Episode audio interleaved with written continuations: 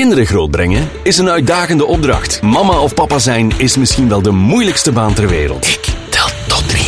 Deze podcast gaat over de kleine kantjes van het opvoeden. Wij brengen echte verhalen met een knipoog, een traan en een lach. Want wat is het een voorrecht om dat kleine mensje te zien opgroeien met het hart op de juiste plaats. Welkom bij Ik Tel Tot Drie. Welkom bij deze aflevering van Ik Tel Tot Drie. Heel fijn dat je luistert. We staan vandaag stil bij het concept van de vurig sensitieve kinderen. In deze reeks van podcasts gaan we dieper in op wat ouderschap betekent in al zijn facetten. Opvoeden is nu eenmaal een uitdagende opdracht die onvermijdelijk ik tel tot drie ups, maar ook ik tel tot drie downs kent. Ouder zijn is misschien wel de moeilijkste baan ter wereld. En er zijn geen diploma's of brevetten die je kan behalen om een vlekkeloos parcours te garanderen. Bovendien is de weg naar dat doel voor iedereen anders. Elke ouder heeft zijn eigen manieren, zijn eigen gewoonten, zijn eigen aanpak. Er is ook geen goed of fout antwoord. En dat kan soms wel wat onzekerheid met zich meebrengen. Toch is het belangrijk om ook in te zien dat opvoeden bovenal een voorrecht inhoudt. Het voorrecht om dat kleine mensje te zien opgroeien en volwassen worden met het hart op de juiste plaats en ook met het nodige zelfvertrouwen om zelfstandig en stevig op eigen benen in het leven te staan. Ik ben Steven Gielis en vandaag neem ik de hosting van deze podcastaflevering op mij. In deze aflevering bespreken we de doelgroep van de vurig sensitieve kinderen en zoeken we naar antwoorden op de vraag hoe je als ouder in de opvoeding rekening kan houden met gevoelige kinderen met een sterke wil. En daarvoor praten we met Nessie de Zitter. Welkom Nessie, stel je zelf eens even voor. Hey, dag Steven. Um, ik ben Nessie, ik ben mama van uh, drie, um, waaronder twee uh, dochters uit mijn buik komen. Uh, zijn ook vurig sensitieve um, kinderen. En ik werk rond persoonlijke groei en verbinding. Um, ik heb eigenlijk sinds een tweetal jaar mijn eigen zaak daar rond. En uh, ik heb ook een heel speciale band of een heel speciale interesse, zal ik zeggen, voor uh, alles wat met hoogsensitiviteit te maken heeft. Oké, heel interessant. Uh, het concept van de vurig sensitieve kinderen, dat is vrij nieuw voor mij. is dat ook zo voor jou en wat betekent het concept juist? Ja, voedingssensitiviteit is voor mij niet meer nieuw. Um, ik, uh, ik heb het eigenlijk een drietal jaar geleden ontdekt, um, omdat ik uh, op zoek was naar handvaten uh, voor mijn middelste dochter, die toch wel een beetje een speciaal aanpak nodig had. Mm. Um, en um, ik, uh, ik wist wel al dat zij hoogsensitief was, maar de puzzel was voor mij nog niet helemaal volledig. Omdat um, in hoogsensitieve kringen, als ik dan een beetje mag veralgemenen, kwam ik vaak op uh, nogal een verlegenheid of een fragiliteit die toch daar een beetje inherent aan was. En daar herkende ik haar niet in. Ja. En uh, tot op ik op een moment Janneke van Olfen ontmoette, die al eigenlijk uh, tien jaar bezig is met het concept uh, van hooggevoelige kinderen met een sterke wil. Mm -hmm. En daar had ik, vond ik echt die herkenbaarheid, um, waardoor ik mij dan zodanig ben gaan verdiepen dat ik dan ook mijn eigen, mijn, mezelf daarin laten certifiëren heb als experte dan. Ehm, ik ben eigenlijk de eerste Belgische, denk ik. Mm -hmm. Maar wat dat juist is, vurig sensitief uh, dat zijn eigenlijk kinderen die, die, die uh, hoogsensitief van aard zijn, maar die daarnaast ook een zeer sterke wil hebben en dat uitzicht dan in een, in een vurig temperament. Ah, ja. Dus uh, daar komt dat eigenlijk op neer. Um, alleen in hun gedrag ga je dikwijls, of gaan ze dikwijls bestempeld worden als lastig of vervelend, omdat ze nogal driftig kunnen zijn of um, ja, een beetje gaan uithangen, hè, wordt dan gezegd. Uh, en de gevoelige kant, die wordt dan niet altijd gezien. Terwijl ze toch wel uh, aanvoelen wat de omgeving van hen, van hen denkt of uh, van hen verwacht. En dat is een beetje de moeilijkheid bij dit soort type van kinderen, als we dat dan al een type mogen noemen. Ja, dat is meteen dan ook een, een, een eerste valkuil die we vaststellen. En daarnet hadden we een gesprekje voor de podcast starten. En vertelde mm -hmm. je off the record dat je een vurig sensitiefje avant la lettre bent. Ja. Kan je dat eens vertellen wat je daarmee bedoelt? Ja, klopt. Uh, ja, 30 jaar geleden kende niemand dat begrip, laat staan hoogsensitiviteit. Daar was eigenlijk helemaal niks in. Um, ik werd ook uh, als kind eigenlijk uh, vooral gestimuleerd in het feit um, dat ik wel sterk was, dat ik uh, durfde doorzetten, dat ik mezelf durfde tonen, dat ik enthousiast was. Eigenlijk best wel fijne eigenschappen. Een plantrekker. Een plantrekker, inderdaad. Um, maar um, ik, moet, ik moet wel toegeven dat het, het stukje gevoelig, dat dat eigenlijk totaal niet gezien werd. Ehm, en uh, dat, dat ik dat zelf ook een beetje beschouwde als, als een beetje zwak. Uh, ik wist het eigenlijk ook niet echt dat ik, dat ik echt zo gevoelig was. En alles wat verdriet was en angst was, dat stak ik ook een beetje weg. Um, wat maakte ook uh, dat ik eigenlijk heel lang ben gaan pleasen en uh, verantwoordelijkheden genomen dat ik eigenlijk niet, niet, niet moest nemen. Dat ik mezelf tonen als altijd sociaal en vrolijk, maar eigenlijk mijn, mijn maar momenten dat ik hulp nodig had, dat was iets dat je niet deed. Je bedoelt dus, met, met please gedrag dat je in functie van de anderen vooral handelde? Ja, ik voelde eigenlijk goed aan wat verwachtingen waren van anderen, maar ik had voor mezelf ook wel de verwachtingen van het maken in de maatschappij en titels halen en een goede job hebben enzovoort. Mm Ik heb dat allemaal gehaald. Maar uiteindelijk um, voelde ik in mezelf dat er eigenlijk iets niet klopte. En dat heeft best lang geduurd. Uh, ik voelde mij ook anders eigenlijk dan anderen, want ik kwam dan wel sociaal over, maar eigenlijk uh, van binnen was er toch een stuk dat best veel rust nodig had. Uh, en dat is eigenlijk iets dat ik de laatste jaren pas eigenlijk toelaat. Dat zachtere gedeelte van mij, uh, waar eigenlijk ook een, een heel stille kracht in zit. Mm -hmm. Dat gevoelige, mij kwetsbaar durven opstellen, dat is echt wel een proces geweest. Um, maar ja, daarom dat ik mij, mijzelf uh, een vurig sensitiefje noem. Um, ik had het ook nooit ontdekt zonder mijn dochters. Dus ik ben heel dankbaar dat ik die dan heb.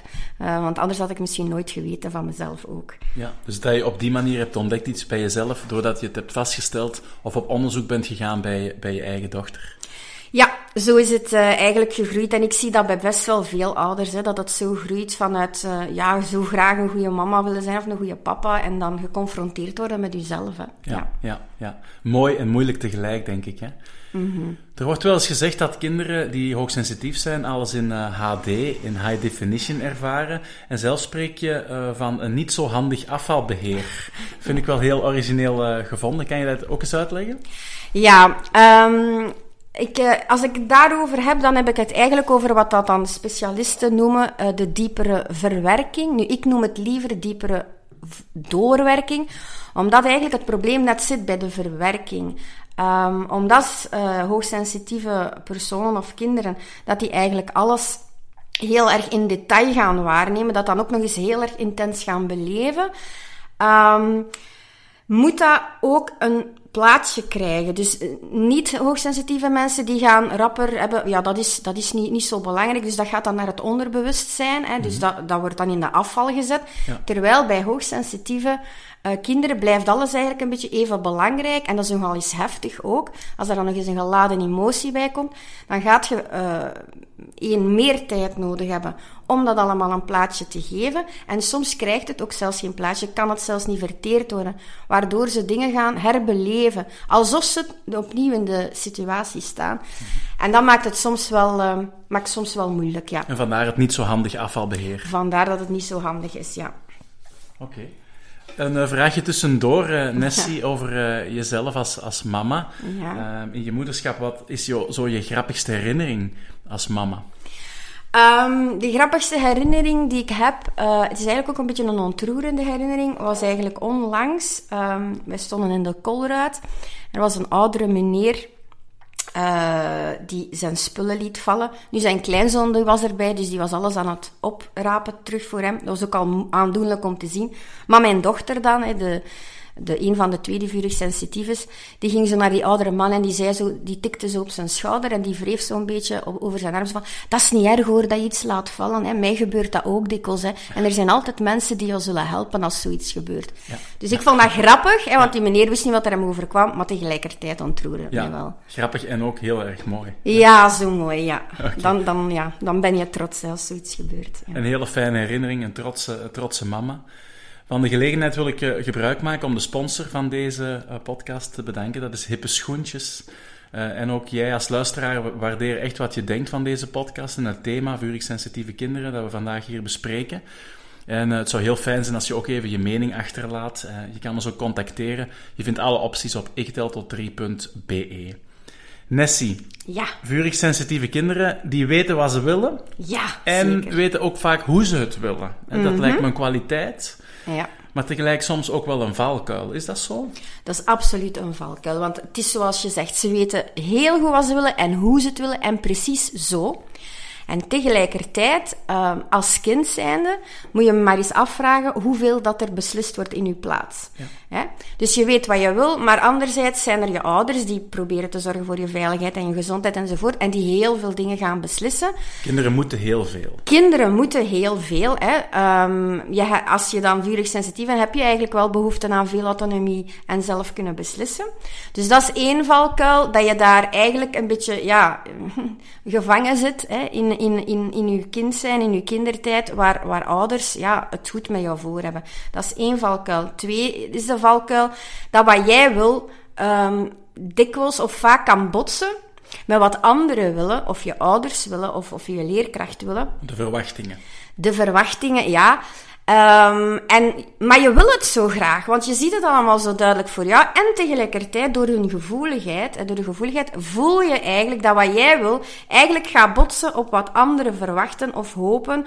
Um, en, en, en daar zit je in een worsteling. Dus die kinderen zitten vaak in een worsteling tussen, maar ik wil het zo graag en ik voel dat het eigenlijk weer niet goed gaat aankomen. En ja, wat moet ik nu gaan kiezen? Dus dat is uh, frustratie en teleurstelling zijn echt emoties die heel vaak uh, aanwezig zijn. Ja. Dus het is als het ware, ze willen wel vooruit, maar langs de andere kant uh, houden ze zichzelf ook tegen. Ja, want de wil, wil, wil van alles bereiken, wil avontuurlijk zijn, wil uitdaging, wil prikkels. Dus die wil gewoon gas geven. Maar dan heb je het gevoelige stuk dat eigenlijk vlug schrikt, dat eigenlijk niet graag in conflict gaat. En dat wil dan afremmen. Dus echt gas geven en remmen tegelijk. Ja, ja. En dat is niet zo handig. Nee, dat is niet zo handig. Moet dat maar eens proberen in je wagen. Uh, ja, komt ja. meestal niet zo goed. Beter niet doen, denk ik. Als ouder, Nessie, dan denk ik dat het belangrijk is als je um, vurig sensitieve kinderen hebt, dat je een goede toolkit hebt.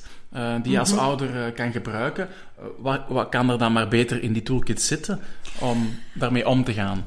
Um, er zijn drie tools die voor mij heel belangrijk zijn. dat is geweldloze of verbindende communicatie. Dat is het model of de poppetjes van de innerlijke familie. En dat is zelfzorg. Ja. Ja. Um, de, leg ze maar eens uh, uit, heel interessant. Goed. Um, de innerlijke familie, uh, dat is eigenlijk een, een model dat u eigenlijk inzicht geeft over hoe jij, of, en hoe je kind, hè, in de eerste plaats je kind ook, hoe je kind eigenlijk in elkaar zit. Um, en en wat eigenlijk hoe die vurigheid en die sensitiviteit, hoe dat zich eigenlijk uit. En dat helpt je dan heel erg als je daar wil mee leren omgaan. Want bijvoorbeeld voor de gevoeligheid heeft je kind eigenlijk ontspanning nodig. Um, maar waar geniet die van? Waar kan die door ontspannen? En door te kijken naar het innerlijke meisje dan, of het innerlijke sensitiefje, ga je weten van, oké, om te ontspannen kunnen we best dat doen. Je hebt ook die vurigheid of het vuurtje. Um, uh, dat dan staat voor het innerlijke jongetje binnen de innerlijke familie. En dat, daar ga je naar kijken om te weten, ja, wat vindt hij leuk? Waar krijgt hij energie van? Dus dat helpt echt om, om inzicht te krijgen hoe zit mijn kind precies in elkaar. Dus als ik het goed begrijp, is de innerlijke familie, moet je dat echt letterlijk zien als innerlijk in het kind zitten een aantal um, uh, gedachten of gevoelens, personages. Ja, het zijn eigenlijk personages die staan voor clusters van eigenschappen. Um, en de gedachte is eigenlijk dat iedereen van ons een innerlijk meisje, een innerlijk jongetje heeft, een innerlijke vrouw, een innerlijke man. Alleen bij kinderen zijn die man en die vrouw nog in ontwikkeling. Ja. En wat wordt dan getoond, of hoe, hoe, hoe, hoe, verlopen die processen dan? Van, hoe maakt een kind de beslissing van nu, nu toon ik dit, of doe ik dit gedrag op basis van, van wat maakt een kind die, die beslissing? Um, goh, ik denk dat er voor een stuk gewoon automatisch dansjes gaan ontstaan. Dat een kind, en zeker bij vuursensitieve kinderen, ga je merken eigenlijk dat het vuurtje meestal op de voorgrond komt. Terwijl um, dat sensitiefje of dat innerlijk meisje dan, dat die, die gevoeligheid, die is er ook aanwezig. Alleen gaat het automatisch meestal het vuurtje zijn of het innerlijk jongetje uh, dat je ziet. En wat dan helpt is dat inzicht daarin en ook dat misschien kunnen duidelijk maken aan je kind of voor jezelf als ouder dat zien, dat je dat kan helpen om dat een beetje in beweging um, te krijgen. Ook bij jezelf natuurlijk. Hè. Uw reactie op een vurigheid zal meestal ook niet vanuit een warme, troostende vrouw zijn. Het zal misschien ook eerder de, de man die wat streng wilt gaan zijn en die wil optreden. Dus als je dat inziet, um, wat er gaande is, je kunt dat ook visueel maken met die poppetjes. Uh, dan uh, ja. zie je die interactie eigenlijk tussen die verschillende familieleden. Oké, okay, heel interessant. Hè? Je hebt al uh, één um, aspect helemaal uitgelegd, de innerlijke familie. Um, op de vraag van ja, wat kan je als ouder maar beter in je toolkit hebben. Mm -hmm. Je spreekt ook nog over geweldloze, verbindende communicatie. Leg ja. dat eens uit. Verbindende communicatie uh, of geweldloze communicatie gaat er eigenlijk over. Dat is een, een, een tool, zal ik zeggen. Uh, of eigenlijk echt een gedachtegoed, een manier van, van zijn of omgaan met je kind. Waardoor je in liefdevol contact, maar ook eerlijk contact kan blijven. Zelfs op heel uh, moeilijke momenten. Um, dat, dat is niet alles accepteren wat je kind doet, want het vergt van jezelf ook dat je eerlijk opkomt voor wat jouw behoeften zijn. Maar je gaat ook de behoeften van je kind zien doorheen soms ja, nogal onhandige uitspraken of lelijke uitspraken zelfs. Um, en dat helpt er eigenlijk voor ja, dat je in die verbinding blijft. En dat als er een nee komt, want ja, ze weten wat ze willen natuurlijk, dat je verder kan gaan dan die nee. Dat je kan kijken, wat zit er achter die nee. Okay. Dus dat is eigenlijk wat uh, die verbindende communicatie is. En de laatste, hè, waar ik het over had, die zelfzorg, die is voor mij eigenlijk de belangrijkste tool. Alleen merk ik dat ouders uh, zodanig uh, goed willen zorgen voor hun kinderen, dat hun focus vooral op hun kinderen ligt. Ja. Maar voor mij is die zelfzorg echt het zuurstofmasker um, in het vliegtuig. Hè. Dat moet je eerst zelf opzetten, want anders kun je niet zorgen voor je kinderen of uh, voor de mensen die naast jou zitten. Dus ja. ik, ik merk dat die grote zorgzaamheid er is bij ouders. Um, alleen zou het wel handig zijn als je die ook voor jezelf gebruikt. Dus, ja. uh, probeer je dat zelf thuis ook te doen? Ik neem aan van wel, maar hoe, hoe probeer je dat te doen? Is dat gemakkelijk of is dat echt wel een uitdagende opdracht? Voor mij is dat een uitdagende opdracht, ja. Om uh, in momenten, zeker dat ik uh, in stress schiet, hè, als ik dan, dat ik dan weet van, ja, hier kan een conflict ontstaan. Uh, hier zou eigenlijk bijvoorbeeld verbindende communicatie best zijn. Maar zolang ik zelf niet rustig ben, zolang ik echt niet bij mezelf ben en niet even de tijd neem om stil te staan of te ontspannen, gaat mij dat heel moeilijk uh, lukken. Um, een ander voorbeeld is um, denken of de gedachte van bijvoorbeeld, um, ja, ik mag eigenlijk geen tijd voor mezelf nemen, want ik wil er altijd voor mijn kinderen zijn. Alleen als ik op die momenten dat ik er dan ben voor mijn kinderen of meer ben, nog spanning heb, omdat ik niet goed voor mezelf gezorgd heb, is dat ook geen kwaliteit. Ja. Dus ik heb echt geleerd om, om toch te durven ook aandacht aan mezelf geven. En ik denk dat ze er belang bij hebben dat hun mama ontspanner is en gelukkiger, om eerlijk te zijn. Ja, heel mooi hoe, dat, hoe dat je dat ook vertelt aan de hand van dat zuurstofmasker. Hè, dat je eerst in het vliegtuig zelf moet opzetten als er iets gebeurt. Ja. En dan pas kan je goed zorgen voor je kind. Dat ja. zijn uh, hele mooie woorden. Ja. Nessie, een vraagje tussendoor. Uh, wat heeft jou als mama um, al wel eens ontroerd? Um, wat mij heel erg kan ontroeren is, um, sinds ik toch iets meer durf tonen van mijn gevoelige kant dan en mijn kwetsbaarheid, en ik heb het soms ook moeilijk, um, heb ik al wel eens uh, getoond dat ik ook verdriet kan hebben. En ik vind uh, die reactie van mijn kinderen daarop, uh, vind ik echt prachtig. En dan, dat geeft me echt ook het vertrouwen ook, dat zij, ja, zij voelen aan. Het is niet dat zij voor mij moeten zorgen, maar het feit dat ze zien dat mama het ook kan moeilijk hebben, dat hij ook eens boos kan zijn, dat hij ook verdrietig kan zijn. Ja. En hun reactie daarop is altijd zo mild, um, dat ik echt denk van ja, um, ik mag ook wel fouten maken. En Ja. uh, dat ontroert mij heel erg, want ik geloof daar ook sterk in. Dat is wat ik aan hun wil doorgeven. En ik zie dan op die momenten dat dat dan toch ook terugkomt. Ja. En als je merkt, dat komt terug bij mijn kind, dan, uh, dan raakt jou dat. Dan denk je, ja, mijn opvoeding werkt. Oh ja, Hey, ik dat zou ik niet durven zeggen. maar ja, eigenlijk stiekem wel. Ja, ik mag dat wel zeggen, ja. Ja. ja. Van een warme emotie naar een iets hardere uh, emotie krijg je wel eens kritiek. En welke kritiek is dat dan? Um, overvurig sensitieve kinderen, Ja. of, of hoe ik omga met mijn, uh, met mijn kinderen dan, of als ze zien hoe ze zich gedragen, Ja. goh, dan krijg ik zo uh, dikwijls de commentaar van je bent veel te toegeeflijk. Of um, waarom loopt je zoveel op eieren? Of je moet gewoon consequent zijn. Of bij ons zou dat niet waar zijn. Of uh, er zit niet genoeg discipline in. Ja, uw kinderen hebben geen ruggengraat of krijgen altijd een goesting misschien. Ja, of dat ik geen ruggengraat heb en dat Ja, zij altijd een goesting krijgen, want ze zijn verdomd goed in hun goesting krijgen, hè. ik geef dat toe. Ja. Um, dus dat soort zaken. Um, en uh, ja, zo met zo'n beetje de bezorgdheid dat het zouden prinsesjes worden of uh, ettertjes. Dus dat krijg ik wel, wel eens terwijl... Uh, voor mij gaat het helemaal niet over, um, over soft zijn, want ik, ik geloof niet dat dat soft is. Maar voor mij is het belangrijk dat ik een, een eigenheid kan respecteren. En um, wat vandaag misschien kan lastig zijn, zo'n sterke wil. Mhm. En, uh, en echt weten uh, hoe je dingen wil en ervoor gaan. Uh, is misschien als volwassenen, of willen we als volwassenen wel allemaal zien. We willen dat je kan opkomen voor je behoeften. We willen dat je assertief kan zijn. We willen dat je kan leiding nemen en, en zijn wie je bent enzovoort. Dus als volwassenen vinden we dat allemaal super.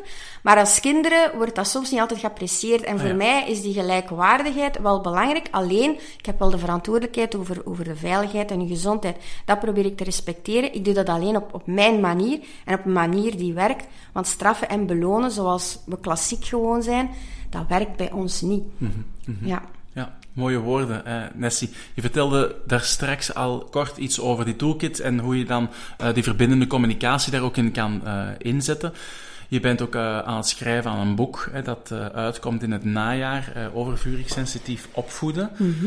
um, kan je eens vertellen hoe je het concept van die verbindende communicatie ook effectief kan, kan inzetten in, in de omgang met kinderen? Kan je dus een concrete uitleg over geven? Uh, ja, uh, die verbindende communicatie heeft mij geholpen om uit mijn hoofd soms te stappen op momenten dat het uh, moeilijk is. Dus als een ik conflict situaties? Ja, bijvoorbeeld. een, een gebruikelijk conflict, of wat een conflict kan zijn, is um, het eten is klaar en je vraagt de kinderen om aan tafel te komen en ik schiet in mijn ja, in mijn kwaadheid dat daar niet uh, op gereageerd wordt zoals dat ik dat wil dan. En dan zou ik kunnen denken, wat we gewoon zijn van denken, oh, die, luister, die van mij die luisteren nooit. Ja, ja. Dus dat zou ik kunnen denken. Terwijl als ik dat ga ombuigen naar geweldloze communicatie, neem ik even afstand. En dan zie ik eigenlijk het enige wat gebeurd is, dat ik iets gevraagd heb en dat er niet op gereageerd is. Als ik het zo vernoem naar mijn dochter van, ja, ik heb gevraagd, wil je aan tafel komen, maar uh, ik zag geen reactie dan zou het mij wel eens verwonderen dat het antwoord was: Oh, maar mama, ik had u echt niet gehoord. Maar als ik dat zeg vanuit mijn kwaadheid, of vanuit mijn ja, jakhals noemen ze dan in geweldloze communicatie, dan zou ik dat zelfs al niet geweten hebben. Dus wat, ah, dat is dan eigenlijk een eerste stap van geweldloze communicatie. Maar eigenlijk, um, het belangrijkste daarin is dat we gaan kijken naar wat de behoeften zijn. Uh, eerder dan naar um, Um, hoe kan ik mijn kind doen gehoorzamen? Of hoe kan ik ze doen luisteren? Of kan ik mijn zin krijgen? Daar draait het niet om. Geweldloze communicatie draait eigenlijk over hoe kan ik in contact blijven, zelfs al is het moeilijk op dit moment met mijn kind. En want dat willen we toch allemaal. En um, hoe kan ik vanuit mijn behoeften een vraag stellen naar mijn kind toe, dat dat kind ook vrij is, maar echt vrij, om dat vanuit zijn hart ofwel ja of nee te zeggen. Eigenlijk gaat het daarover, want willen we niet dat onze kinderen iets doen omdat ze het zelf echt graag willen. En trouwens, bij vurig sensitieve kinderen is dat uh, sowieso een heel belangrijke factor. Ze zijn heel uh, intrinsiek gemotiveerd, vanuit zichzelf dus gaan ze dingen doen. Dus als je daar probeert van, omdat ik het zeg, of omdat het moet, of omdat het zo hoort, dat heeft ook weinig effect. Mhm. Dan ga jij ook voorbij aan die kracht. Dan ga je voorbij aan, uh, aan, aan die kracht. Um, want ik geloof echt, als je mensen vrijlaat of kinderen vrijlaat om vanuit een openheid um, jou te helpen. En want dat willen ze eigenlijk. Hè. Iedereen wil andere mensen helpen en willen bijdragen tot het welzijn van anderen dat je dan veel uh, verder komt. En dat ze dan ook aandacht hebben en rekening kunnen houden en leren houden met wat jouw behoeften zijn. Want die spreek je dan ook uit. Ja. Dus nadenken vanuit jouw behoeften, de behoeften van de kinderen ook aanspreken. En dat is dan een, eh, een goede manier om uh, tot verbinding te komen met, uh, met je kind. Hè? Ja. Heel mooi. Nessie, ik had nog een slotvraagje, want we zijn bijna aan het einde van, van de podcast. De tijd vliegt razendsnel vooruit, omdat het zo interessant is. Heb je nog een boodschap voor de luisteraar? Ja, um, mijn boodschap zou zijn: heb jouw vurig sensitief kind lief met heel je hart. Ik denk dat je dat al doet, maar kijk ook eens naar de kwaliteiten dat er zijn. Zorg heel goed voor jezelf. En um, als je houdt van boeken, koop dan misschien mijn boek in september, Vurig Sensitief Opvoeden. Goed idee, uh, goed idee. uh, daarin staan ook uh, stappenplannen en tips en advies en ook herkenbare situaties um, die jou misschien kunnen helpen om, om jouw kind te helpen. Ja, absoluut. Heel interessant wat je vandaag vertelt. Zo zijn we aan het einde van deze podcast gekomen. Ik wil jou als luisteraar graag bedanken hè, dat je helemaal hebt geluisterd tot aan het gaatje. Dank ook aan de sponsor Hippe Schoentjes en Nessie, dank je wel voor je duiding. Graag gedaan. Uh, ja, dankjewel ook Steven eigenlijk voor de uitnodiging en interesse in dit onderwerp. Want voor mij is het echt belangrijk dat uh, zoveel mogelijk ouders uh, die, die daarmee worstelen, hè, dat, we ze de, dat we ze kunnen bereiken. En uh, dankjewel ook dat ik er mocht zijn. Het is altijd fijn en warm bij zit dat zo. Dat was een genoeg. Dag. Dag. Dit was Ik Tel Tot 3, de podcast over echt ouderschap. Abonneer je voor nieuwe afleveringen. Reageer of stuur ons een berichtje op ikteltot3.be. Vergeet niet, je staat er niet alleen voor, want it takes a village to raise a child.